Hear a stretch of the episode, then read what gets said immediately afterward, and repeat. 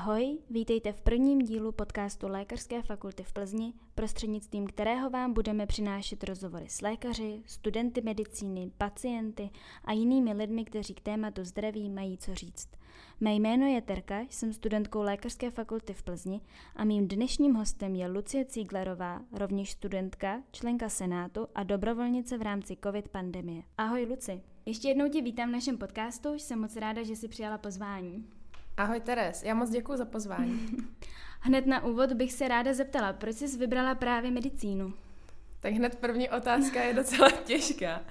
Já jsem úplně nevěděla na Gimplu, teda jakým směrem se budu profilovat. Neměla jsem to prostě jako většina tady eh, studentů, že odmala chtěli jít na medicínu. Hmm tak mě bavilo tak nějak jako všechno, prostě od matiky přes právo, tak jsem se tak furt nějak jako rozhodovala, nevěděla jsem a pak přišla k nám uh, nová paní učitelka na biologii a hrozně mě prostě ovlivnila, hrozně mě to vtáhlo, začalo mě to strašně bavit a tak jsem si jako říkala, co bych s tou biologií jako mohla dělat.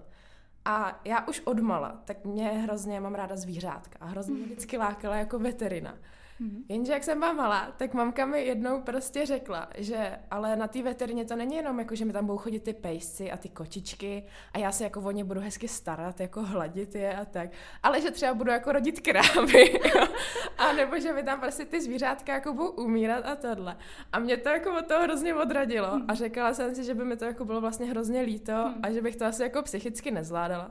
A pak jako konečný bod, co mě od toho odradilo, takže vlastně u nás je veterina jenom v Brně. A že je to prostě daleko, nechtěla hmm. jsem do Brna dojíždět. A ty jsi z Plzně, že? Jo, já jsem právě z Plzně. Hmm. Takže pak už jsem si začala říkat, že teda asi by byla dobrá jako ta medicína, že by mi to hmm. bavilo, bavilo mě to lidské tělo. Tak jsem začala uvažovat nad tím a vlastně tak nějak v tom třetíku si myslím, že jsem se teda definitivně rozhodla, že teda jako zkusím medicínu. A proč právě fakultu v Plzni? Tak tím, že tady bydlím, tak já jsem jako první přihlášku jsem si dala sem s tím, že se sem bralo uh, bez přijímaček a já jsem měla ještě na Gimplu docela jako dobrý průměr, tak jsem si říkala, že to zkusím mm-hmm. a oni mě vzali bez těch přijímaček. Tak to jsi měla štěstí teda. To jsem měla, no. A ještě dávala jsi někam jinam přihlášky? Dávala jsem si na druhou lékařskou, na třetí lékařskou mm-hmm. a nejvíc teda, co jsem měla původně v plánu, tak mě se hrozně líbilo Hradci Králové. A mhm. líbilo se mi tam hlavně to, že tam je vlastně spojení uh, univerzity obrany a lékařské fakulty. A člověk tam studuje oba ty obory zároveň a pak je z něj, jako dá se říct, vojenský doktor. Takže jako primárně teda jsem říkala, že půjdu tam. Byli jsme tam i s maminou se podívat na dně otevřených dveří, prostě krásný areál, všechno hezky. No jenže to ztroskotalo uh, na... Vlastně člověk musí projít uh, nemocnicí, musí být jako vyšetřený uh, kvůli ty univerzitě obrany. A vlastně tam fakt, jako by my jsme jeli do Prahy a do vojenské nemocnice a vyšetřit tě prostě od hlavy k patě, projdeš si, já nevím, 12 různýma odděleníma. A když jsem tohle za ten celý den prostě absolvovala, tak jsem přišla na ten závěrečný pohovor, všechno bylo prostě v pořádku. Tam už se má jenom zkontrolovat, jako že jsem opravdu byla všude a že jsem všude jako prošla. No a ten pan doktor tak si vzal ty moje papíry, říká jo, jo, jo a vlastně první papír, co já přinesu, tak je od mi praktický doktorky. No a tam je vlastně anamnéza a já v té anamnéze mám, že eh, u nás v rodině je lajdenská mutace a já ji teda mám taky. No a on se kouká na ty papíry a říká, no ale vy máte lajdenskou mutaci. A já říkám, no já vím. on říká, no ale tak nám nemůžete. Hmm. Je ti to líto takhle zpětně? No je mi to jako hrozně líto, jako já bych hmm. tam šla hrozně ráda, ale musím říct, že teď i zpětně jsem strašně ráda, že jsem nakonec mm-hmm. jako skončila v Plzni, už bych prostě nešla ani do Hradce, ani hmm. jako do Prahy, ale v tu chvíli mi to bylo hrozně líto. No. Takže nakonec to ale stejně dopadlo dobře. Jo, určitě. Jsi na medicíně, takže, takže dobrý. Mě by ještě zajímalo, jak jsi připravovala na přijímačky. Teda, já vím, že jsi byla v Plzni přijata bez přijímaček, ale na tu druhou, třetí lékařskou já jsem měla nějaký jo. systém. Na tu druhou lékařskou já jsem měla modelové otázky. A ty jsem se teda učila jako průběžně během toho čtvrtáku. Já jsem vlastně maturovala z biologie takže to jsem se hlavně učila teda tu biologii eh, k té maturitě plus ty modelové otázky. Ale teď třeba zpětně, když to hodnotím, tak bych určitě šla maturovat z chemie. Protože i tu chemii vlastně tady na medicíně se potom využije v rámci lékařské chemie, biochemie. Hmm. Když to tu biologii, to už bylo takový opravdu jako okrajový, už to tady s tím nemělo nic společného. Takže kdyby šla maturovat znova, tak určitě maturu jako z chemie. A začala bych se jako učit dřív, no, ale ono mm. je to těžký, protože většina těch uh, budoucích mediků tak ta má třeba roční pauzu, že se nedostanou hned po Gimplu a mají vlastně rok na to si připravit jenom na ty přijímačky. Kdežto ten čtvrták na tom Gimplu, tak má prostě stres a nervy uh, z té maturity, protože vlastně neví, jaký to je se pořádně učit, neví, co ho čeká, takže se víc učí na tu maturitu a je pak jako znevýhodněný podle mě u těch přijímaček. Hmm. No. A ono i vlastně ten přestup z toho Gimplu na vysokou, kort ještě na medicínu, je určitě dost náročný. Mě by zajímalo, jaké byly tvoje začátky na medicíně. No to si vystihla úplně přesně. Jako jak jsem říkala, já prostě na Gimplu jsem opravdu neměla moc problémy. Jako učila jsem se, měla jsem opravdu jednu, dvě dvojky třeba na vysvědčení, ale be, bez problému. No a přešla jsem na medicínu a já si pamatuju, jsem si vyzvedávala tady učebnice eh, v knihovně, co mě teda čeká jako v prváku, všechno za předměty, tak jsem dostala stoch, já nevím, snad 12 knížek. Hmm. A teď tam byly ty Čeháci, jedna, dva, tři. A teď já jsem na to koukala a říkám, ty jo, to je prostě, to bylo asi 12 stránek. Hmm. A já říkám, teď to za ten rok nemůžu ani přečíst. A mám tady kamaráda už od Gimplu, co je o dva roky výš a chodí právě i sem o dva roky výš a vždycky mi jako předává ty rady, dáváme i právě materiály a tak. A Honzík právě říká, no ale to jako, ne, že to přečteš, to přečteš třeba třikrát, že jo, aby se to jako naučila.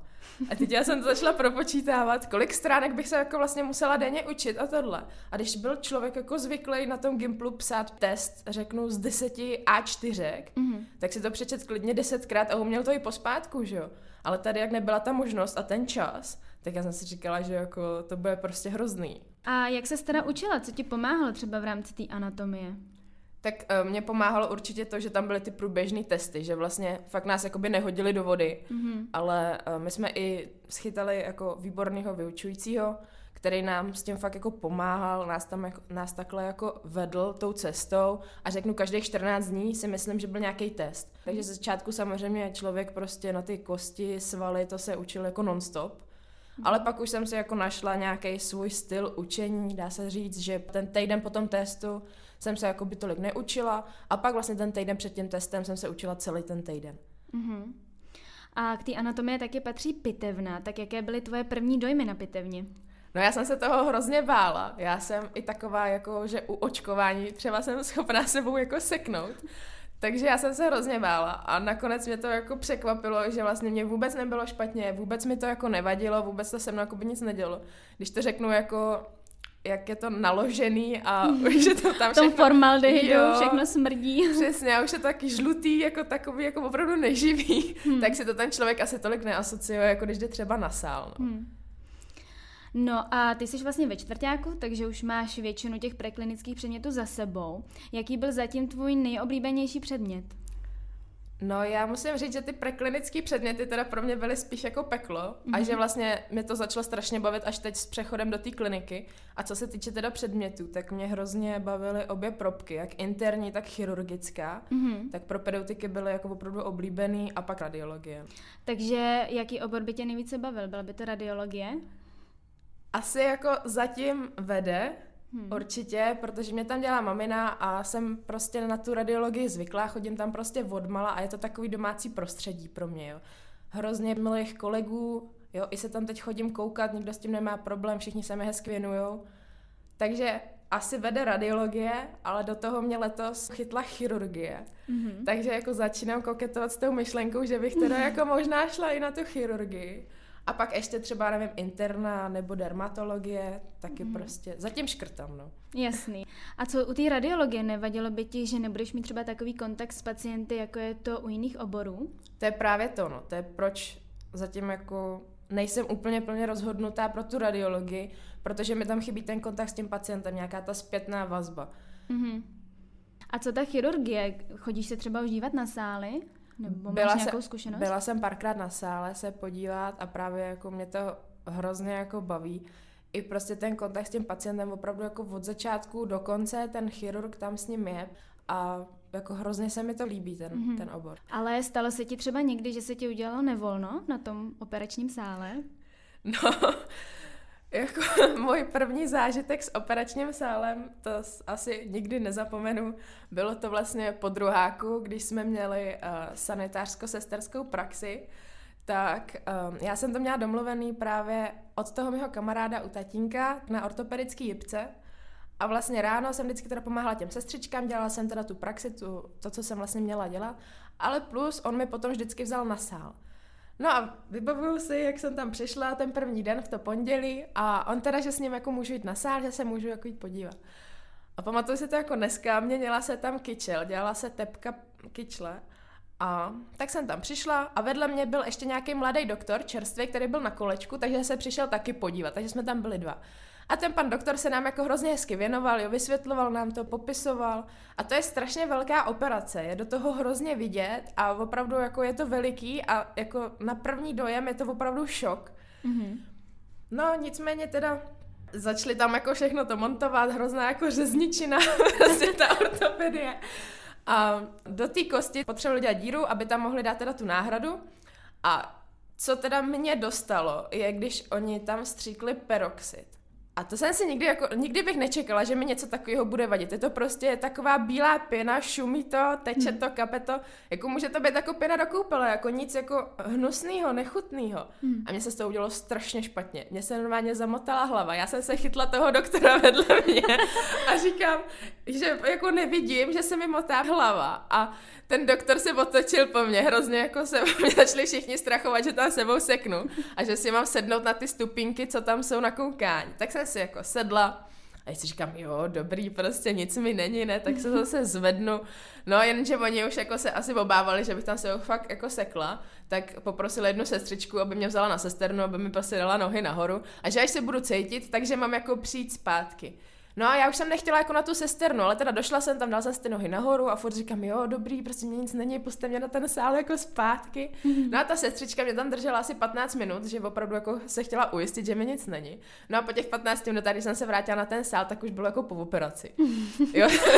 takže jsi to nestihla. Takže takhle byl můj první zážitek jako ze sálu, ale musím říct, že teda člověk se na to strašně rychle zvykne. Já už mm. vlastně v pátek, ten samý týden, tak mě vzal ten doktor uh, držet háky. Ukázal mi, jak se mám umýt, prostě jak se mám oblíct, jo. A už jde jako pomáhat a pro mě to byl výborný zážitek, mm. fakt na to mhm. hrozně ráda vzpomínám. Vůbec mi prostě nebylo špatně, jak se člověk prostě soustředí, aby něco nepokazil, aby něco neupustil, něco jako neproved tak vůbec už mi nebylo špatně a začalo mě to strašně bavit, hrozně se mi to líbilo a říkala jsem si, že vlastně jako ten chirurgický obor, že by to jako nebylo špatný. No. Mm-hmm. Tak to jsi měla teda veliký štěstí, protože spousta mediků se vůbec k operacím takhle brzy nedostane a už vůbec ne, aby takhle pomáhalo, třeba drželo háky a tak. Mě by ještě zajímalo, jaký předmět byl pro tebe zatím nejtěžší? No, to je taky těžká otázka.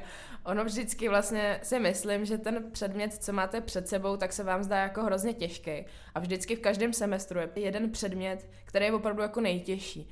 Jo, za mě dlouho ve druháku vedla biochemie, tu jsem si opravdu jako protrpěla. Fakt jako hrozný. Normálně to přečtu třeba třikrát a jdu na zkoušku. Tady jsem to přečetla třikrát. A to byla prostě furt pro mě taková čínština, že já vůbec jako nevěděla, co se tam jako odehrává, nebo co se po mně jako chce. A já jsem to musela fakt přečíst třeba sedmkrát, abych tam mohla jít. A pak jsem vlastně přišla na zkoušku, kde teda před tou zkouškou byl test zkouškový a já ho nenapsala v obod. Hmm. A mě to vlastně zkazilo úplně celý prázdniny, já jsem pak musela jít na konci srpna, přečetla jsem to do té doby ještě znova prostě třikrát a opravdu jako bylo to utrpení, bylo to nekonečný a říkala jsem si jako, jestli to opravdu mám zapotřebí. No a pak ve třetíku vlastně všichni se báli jako patologie. Ale mě si to patologie učilo jako docela dobře. Prostě člověk věděl, do čeho jde, učil se to tak nějak jako průběžně. Jo, bolelo to, protože se to prostě člověk učí dlouho, je to náročný, je to vyčerpávající, ale ta zkouška sama o sobě mi potom přišla jako docela fajn. Mm-hmm. Ale na druhou stranu potom patofyziologie, když všichni říkali, jo, už máš patolu, tak prostě patfys v pohodě za dva týdny, jo. A teď já jsem se dva týdny učila jenom to CNS, který vlastně vůbec v patologii nebylo. Všechny ty dráhy, bolest a tyhle ty věci. No a pak jsem se to samozřejmě vytáhla u té zkoušky. Ale zatím teda pro mě nejhorší a nejtěžší suverénně farmakologie ve čtvrták. Bylo utrpení od začátku do konce, protože my jsme ani z toho jednoho semestru, to má být vlastně dvousemestrový předmět, my jsme neměli vůbec žádnou výuku, protože do toho prostě přišel covid, Hmm. Nestačily se tam prostě zrealizovat nějaká online výuka, nefungovalo to, vyměnilo se tam vedení, změnil se komplet prostě zkouškový systém, otázky, byl zkouškový test, jo, nebylo vůbec jako ústní zkouška. Opravdu od začátku do konce s farmakologií úplně všechno špatně. Hmm. Navíc se to tam člověk musí fakt drtit, všechno na spaměť, tam nemůžeš vidět nějakou právě logiku nebo něco jako propojovat si informace, že jo, to je prostě opravdu telefonní seznam. Na jaký předmět se nejvíce těšíš? Já si teda momentálně opravdu nejvíc užívám tu chirurgii, takže to já jsem ráda, že vlastně tenhle semestr ještě pokračuje. A pak se hrozně těším teda na bloky do páťáku, mm-hmm. že vlastně člověk získá konečně ten přehled teda a možná mě chytne ještě něco jiného a vlastně skončím úplně na jiném oboru, než jako co si teď myslím. No. Dobře, mm, ty si trošku načala to, jakým stylem se učí, že jsi říkala nějaký první, druhý, třetí čtení. Tak eh, jak to vlastně funguje? Tak uh, já vždycky začínám teda prvním čtením, který mi trvá strašně dlouho, takže já začínám poměrně jako brzo se učit s tím, že teda uh, si to všechno vytisknu, podtrhávám si to, přečtu si to, no ale jako člověk z toho prvního čtení opravdu jako skoro nic nemá, jo. To je jenom takový pocit pro pocit, že se jako člověk teda učí. Že alespoň něco dělá. Přesně tak, ale jako ve skutečnosti se neučí, no. Takže pak je tam to druhý čtení, kdy už se teda jako opravdu učím a většinou, když stíhám, tak třeba posledních pár dní před tou zkouškou, tak to už je opravdu jako rychlo čtení, prostě opáčko, abych věděla, co ke který otázce patří, co k čemu říct, prostě se to tak nějak jako utřídila. Mm-hmm. Takže jedu tímhle stylem a techniky, jakoby, co k tomu používám, tak hodně, co se mi osvědčilo, také Forest aplikace, tak sázím stromečky, že mám jo, jako jo, motivaci. to moc doporučuju, takovou aplikaci. A co třeba káva? Piješ kávu, aby se třeba nabudila a tak? No, já kávu pít nemůžu, mě je po ní hrozně špatně, já mám asi nějakou alergii na kofein, protože když si dám bezkofeinovou Aha. kávu, tak jako mi špatně není, no ale nemá to ten účinek. Hmm. Takže jako já mám s tímhle docela problém, docela s tím bojuju. Jako v prváku mě hnal teda stres, že člověk jako nespal a opravdu se jako učil. A teď teda v tom čtvrtáku už si jako teda pospím, no. Aspoň tom čtvrtáku. A jak nestrácíš motivaci? Byly vůbec nějaký momenty, kdy jsi si říkala, že na to nemáš, že ti za to to nestojí a že bys radši třeba šla na jinou vysokou školu, změnila úplně obor? No, tohle je jako hrozně těžká otázka, protože jako ty momenty podle mě má úplně každý a pořád. Jako... To můžu potvrdit. Jako jak nestrácím motivaci, teď je mi tou motivací, když nám začala ta klinická výuka, to, že když to vidím v té nemocnici, tak vím, že tu práci chci dělat. Mm-hmm. Hrozně se mi to líbí, hrozně mě to baví. A opravdu vím, že prostě tohle je ta práce, kterou bych v budoucnu chtěla dělat. Takže vím, že si musím projít tímhle peklem, že tu školu už prostě musím dostudovat. Takže tohle mě teď motivuje. Jako, abych pravdu řekla, co mi bylo motivací ty první tři roky, opravdu netuším, protože to bylo, pro mě to bylo fakt hrozný, ten přechod z toho Gimplusem, kdy jako mi na Gimplu všechno šlo a tady mi najednou jako nic nešlo, bylo prostě hrozný, bylo to fakt na hlavu, ale prostě člověk udělá anatomii. A když jako probojuje tu anatomii, tak už si řeknu, teď už se prostě na to nevykašlu. Já jsem tady nechala takovýho času, takový energie a už tě to tak jako semele a je to takový kolotoč, že už prostě z něj nevystoupíš, protože teď už třeba si říct, hele, já jsem ve čtvrtáku, hmm. já bych zahodila čtyři roky svého života a byla bych někde na nule. Jako kam já bych šla, co já bych jako dělala, jo? Hmm. To je pravda. Jak se vyrovnáváš s tím stresem, třeba když tě takhle vyhodili ze zkoušky, to muselo být určitě dost náročný. Máš třeba nějaký koníčky, kde se můžeš vyventilovat? No, jako když mě vyhodí od zkoušky, tak já to bořbu samozřejmě. tak jako to si beru furt osobně, protože já bych na zkoušku nešla nepřipravená. A prostě mi hrozně mrzí, že když člověk tomu fakt dá to úsilí ten čas a ví, že to jako neodfláknul, takže pak třeba o dva body nenapíše test, jo? že ani ho ne, nevyhodí někdo od zkoušky s tím, že to jako neumí, ale opravdu počítač na vás vyflusne jako nenapsal jste. Hmm. A to je hrozná deprese. Jako. A co se teda týče koníčků, ráda chodím do fitka, takže cvičím, dokud teda byly otevřený. No, teďka moc nemůžeš. No a doma teda se k tomu nedokopu, ale já odmala vlastně od čtyř let, tak já jsem hrála závodně tenis a mm-hmm. u toho tenisu jsem jako zůstala a od 18 let vlastně jsem začala já dělat trenéra, takže trénuju mm-hmm. ve školičce dětičky a mám i vlastní klientelu, takže to mám vlastně jako brigádu mm, a řekla bych, že i jako ventil. No. Mm-hmm. A máš nějaký úspěchy teda v rámci toho tenisu?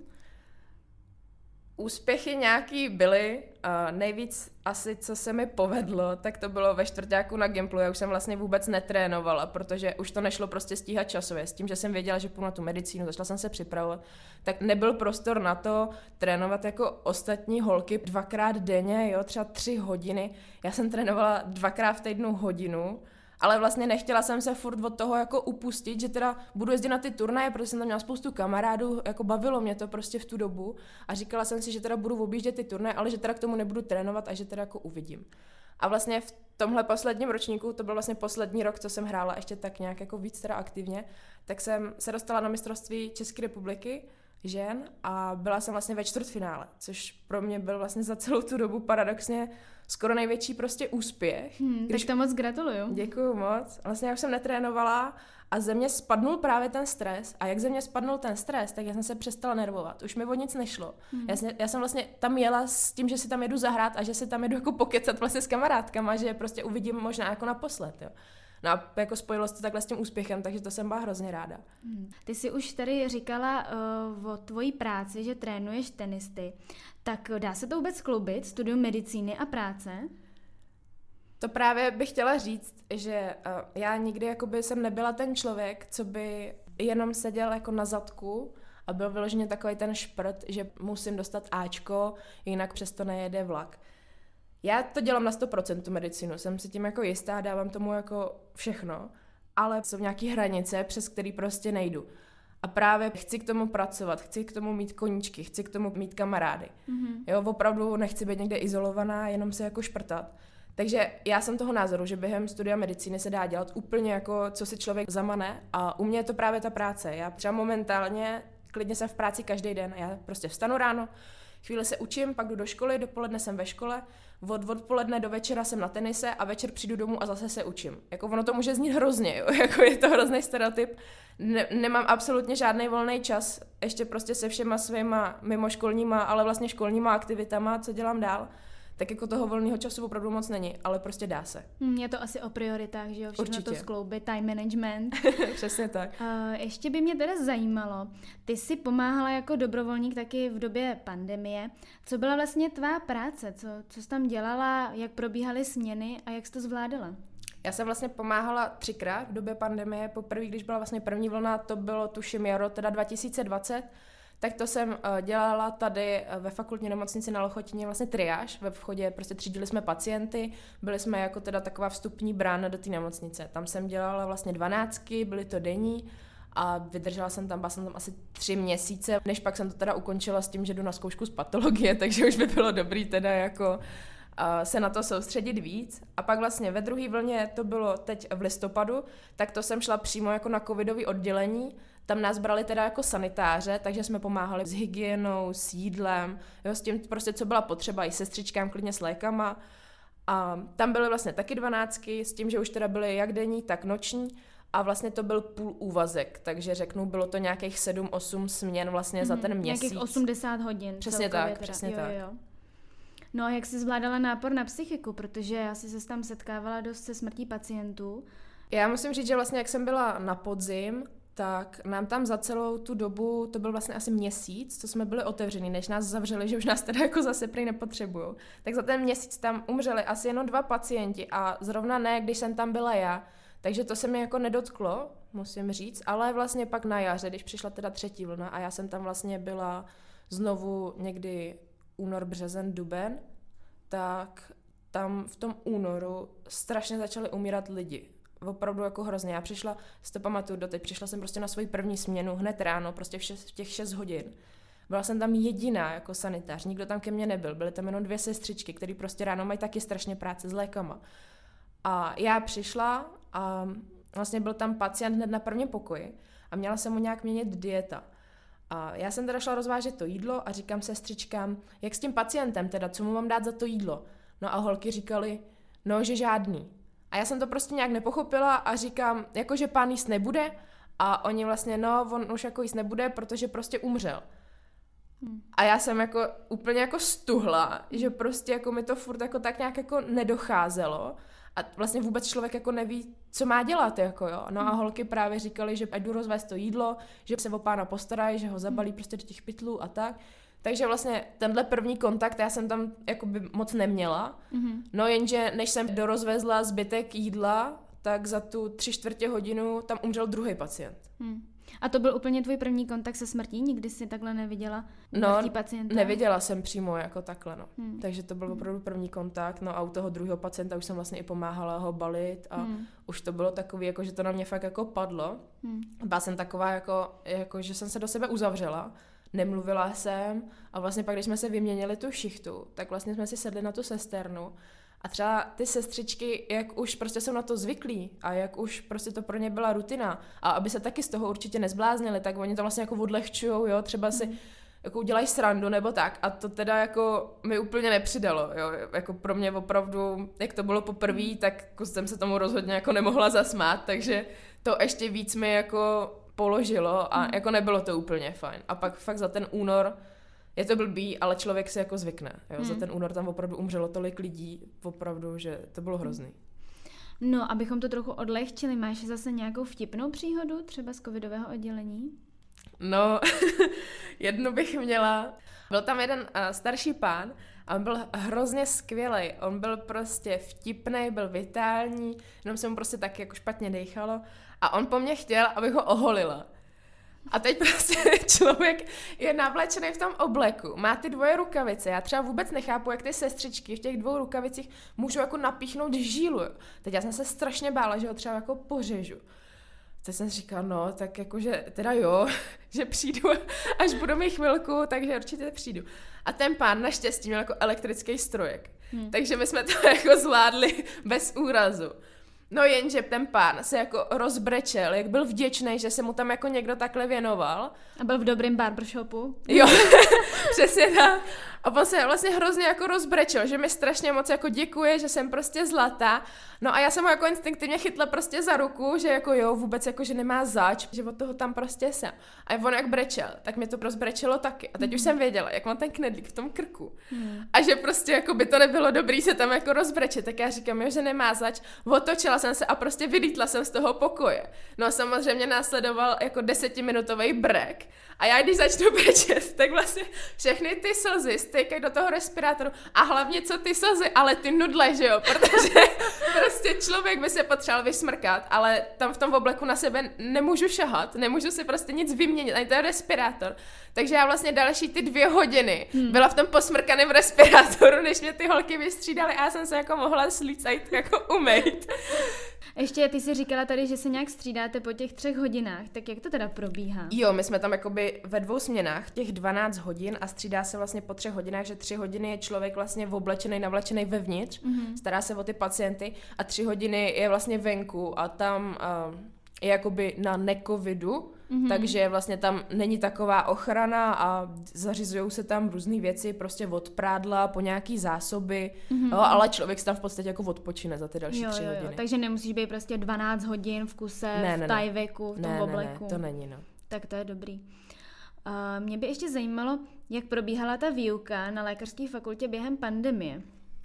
Já musím říct, že teda jako naše lékařská fakulta se s tím vypořádala podle mě úplně nejlíp, jako z celé republiky, ze všech lékařských Mhm. mm-hmm. fakult. Jako samozřejmě, když to bylo na tom začátku 2020, tak ten semestr jako, tam se to ještě nezrealizovalo, prostě to jako nebyl ten konec toho semestru letního v tom třetíku, takže tam to bylo opravdu jako samostudium, ale za jak jako krátkou dobu se tady stihlo vlastně to zmobilizovat, zorganizovat, vlastně vděčíme jako za to panu doktorovi Rajdlovi, Mm-hmm. Tak Že- tím ho zdravíme, jestli poslouchá.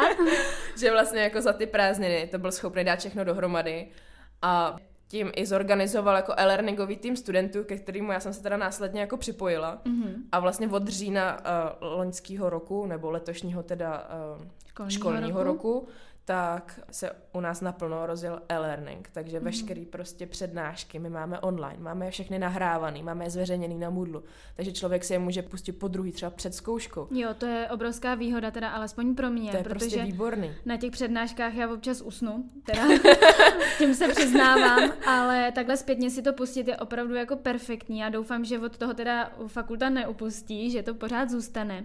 A co ty tam teda vlastně děláš v rámci e-learningového týmu? No já správně v rámci vlastně e-learningu, tak já když jsem ve čtvrtáku, tak bych měla mít uh, nějaký předměty z toho čtvrtáku, které jsou moje a měla bych jim teda pomáhat nahrávat tu přednášku, pak ji sestříhat, vložit ji vlastně na Vimeo a následně teda na ten Moodle, kde teda bude zpřístupněná těm studentům. Mm-hmm. Jenže jak už tak jako u mě bejvá, já se vždycky jako vecpuji tam, kam bych jako nemusela. Takže uh, díky tomu, že já se znám vlastně s panem profesorem třeba Tonarem, Daumem, a dalšíma tak já momentálně pomáhám od prváku až po čtvrták, že mám teda nějaký svoje ústavy, nějaký svoje kliniky, kterým mm. teda vypomáhám a už to vlastně nejsou třeba jenom ty přednášky, ale někde to byly třeba i praktika, nebo opravdu i s panem profesorem Moláčkem jsme založili úplně nový předmět, jako... Jste si založili? jsme si založili jako na koleni chirurgické kazuistiky, takže ten nás třeba po večerech jako učí chirurgii mm. a je to jako výborná věc, je to opravdu to nejlepší snad, co se stalo jako během e-learningu pro mě. No. A ty ještě kromě vlastně e-learningu se dostala také do Senátu. Jaká je tam tvoje pracovní náplň? V Senátu teda vlastně už jsem druhým rokem, tuším, a dostala jsem se tam jako víceméně náhodou, protože jsem zároveň i eh, ve vedení spolku Medicus Pilsenzis tady u nás. Tak jeden z mých kamarádů, Alan, tak eh, ten byl u nás ve vedení a byl zároveň i v Senátu. Jenže letos už je v šestáku, věděl, že už se tomu prostě nebude moc tolik věnovat a říkal, že by bylo dobrý, kdyby někdo od nás ze spolku šel zároveň i do Senátu, aby jsme prostě měli ty informace z první ruky. Tak já jsem se tak nějak jako nechala teda ukecat, že teda jsem si říkala, hele, při nejhorší mě jako nezvolí, nic se nestane. Tak jsem se přihlásila, no a nějakým, jako, nějakou náhodou mě i lidi jako zvolili. Takže od té doby já jsem vlastně v Senátu a ještě říkal Alan, že jo, to je v pohodě, to chodíš jednou měsíčně na zasedání Senátu, tam se párkrát přihlásíš, něco odhlasuješ a to jako všechno, není to jako žádná velká práce. No jenže, jak přišel covid, tak se začalo řešit strašně věcí. A já z toho Senátu opravdu řeším hrozně moc věcí, co se týče jako výuky nějakého chodu fakulty, teď vlastně očkování, testování, strašně věcí a všechno jde prostě přes nás, protože my vlastně teď děláme tu spojku mezi studentama a tím vedením a hodně se o to snažíme, aby to vedení prostě začalo komunikovat nějakým způsobem s těma studentama a aby ty studenti prostě měli od nás ty informace. Hmm, což asi do té doby moc nefungovalo. Přesně že jo, tak, no. Teď bylo to spíš na těch studentech, jako co si vyhledají, co je na webu a tak. A musím říct, že si myslím, že jsme tohle hodně zlepšili, mm-hmm. že ta komunikace teď je tam prostě lepší, je to transparentnější a i ty studenti se na nás nebojí obrátit. S čímž teda jako plynou moje další povinnosti, že já opravdu jako tím, že jsem v Senátu, v MEPy, v e-learningu, dělám hodnocení, ankety po každém semestru, tak tím, že já mám těchhle hrozně jako mimoškolních školních aktivit, tomu říkám, tak mě třeba chodí jako 12 až 20 e-mailů jako denně, který prostě potřebuji jako Takže ráno zasedneš jako youtuber a říkáš, no, musím si pročíst tady e-maily. No, jako kdybych za to aspoň byla placená jako ten youtuber, jo, tak si řeknu, dobrý, tak prostě je to další práce. A takhle jako je to opravdu náročný, hlavně obzvlášť, když jakoby mě teda přijde nějaký ten dotaz a teď já to musím jako vykomunikovat. Takže já vlastně dělám takovou spojku, takže mě chodí nejen jakoby ty e-maily od studentů, ale plus já ty dotazy musím předávat na to studijní oddělení nebo těm jednotlivým vyučujícím. Mm-hmm. Hrozně jako otravuju, když to tak řeknu, ty učitele, protože já prostě od nich potřebuju podklady, potřebuju od nich různé informace a opravdu jako ta komunikace někde jako na denní bázi, no. Hmm. Ty jsi ještě zmínila ten spolek MEPy. Jak se vlastně student dostane do takovéhohle spolku? Je samozřejmě tady víc spolků, kam se jako student může uh, připojit, ale normálně to probíhalo tak, že vždycky byly jako nábory, teda do jednotlivých těch spolků, kde každý ten spolek měl uh, svoji prezentaci, vlastně prezentoval, co v tom spolku vlastně můžete očekávat, co, za to, co tam můžete dělat a co za to můžete dostat. Mm-hmm. Takže i třeba jsme byli uh, všechny, všichni zástupci spolků, všech spolků, tak jsme byli na seznamováku v Poříčí pro prváky, kde jim právě děláme tyhle ty prezentace, takže už vlastně od prváku ten student o nás jako tak nějak ví a vlastně mm-hmm. se k nám může připojit. Takže stačí, když vám napíše třeba tobě konkrétně? Přesně tak, určitě stačí, prostě jsme na Facebooku, jsme na Instagramu, mm-hmm. máme i vlastně jako webové stránky, takže stačí, když nás takhle kontaktují, plus teda děláme ty nábory, což do toho nám trošku jako hodil covid vidle, Takže letos jsme se rozhodli teda zorganizovat uh, nábor online s tím, že my ho spojíme s naší největší akcí, co pořádáme, což se nazývá Večerní vizita. A Večerní vizita je vlastně akce, kde my si pozveme vždycky nějakého vyučujícího nebo nějakou známou osobnost, mm-hmm. která teda přednáší a není to ale taková typická přednáška, o který ty by si usnula, ale je to něco, kde vlastně uh, on mluví o svém životě. Hmm, a tak vlastně... to možná i přijdu, hele. to doufám, si určitě zvaná. Děkuji. A vlastně je to o tom, že on vypráví o sobě, třeba o svém studiu, o svém oboru, jak si třeba vybrat ten obor.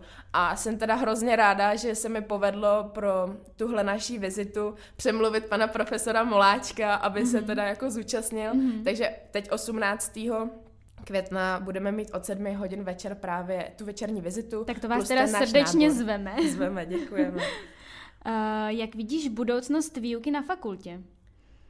Myslíš, um. že by se třeba dalo něco změnit? Nebo už se něco změnilo? Já si myslím, že u nás je právě skvělý to, jak je u nás rozjetý ten e-learning.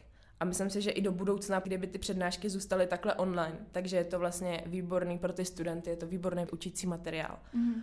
A v čem vidím jakoby budoucnost výuky na naší fakultě, tak já ji vidím prostě v lidech. Všechna práce, všechna výuka, vždycky je to po lidech. Já už, jak jsem říkala na tom Gimplu, tak jsem byla prostě hrozně ovlivněná tou paní učitelkou. To samé prostě tady na té škole mě hrozně ovlivňují jako jednotlivý vyučující. Jsou lidi, kteří vás dokážou hrozně jako natchnout, vtáhnout vlastně do toho svého oboru a chtějí vám jako předat ty znalosti. Mm-hmm. A prostě dokud my tady budeme mít jako vyučující typu prostě pan profesor Moláček, pan profesor Tonar, paní doktorka Daumová, profesor Daum, paní profesorka Králíčková a takovýhle mm. prostě osobnosti, mm. který opravdu je vidět, že to jako dělají srdcem, tak si myslím, že prostě naše budoucnost jako je výborná. Jo, to naprosto souhlasím a děkuji za krásný závěr. Já mám pro tebe ještě jeden špek. Uh, mě by zajímalo, co by si doporučila momentálním studentům. Jak je namotivovat třeba na následující zkouškový, co, co jim předat jako nějaký tip svůj osobní.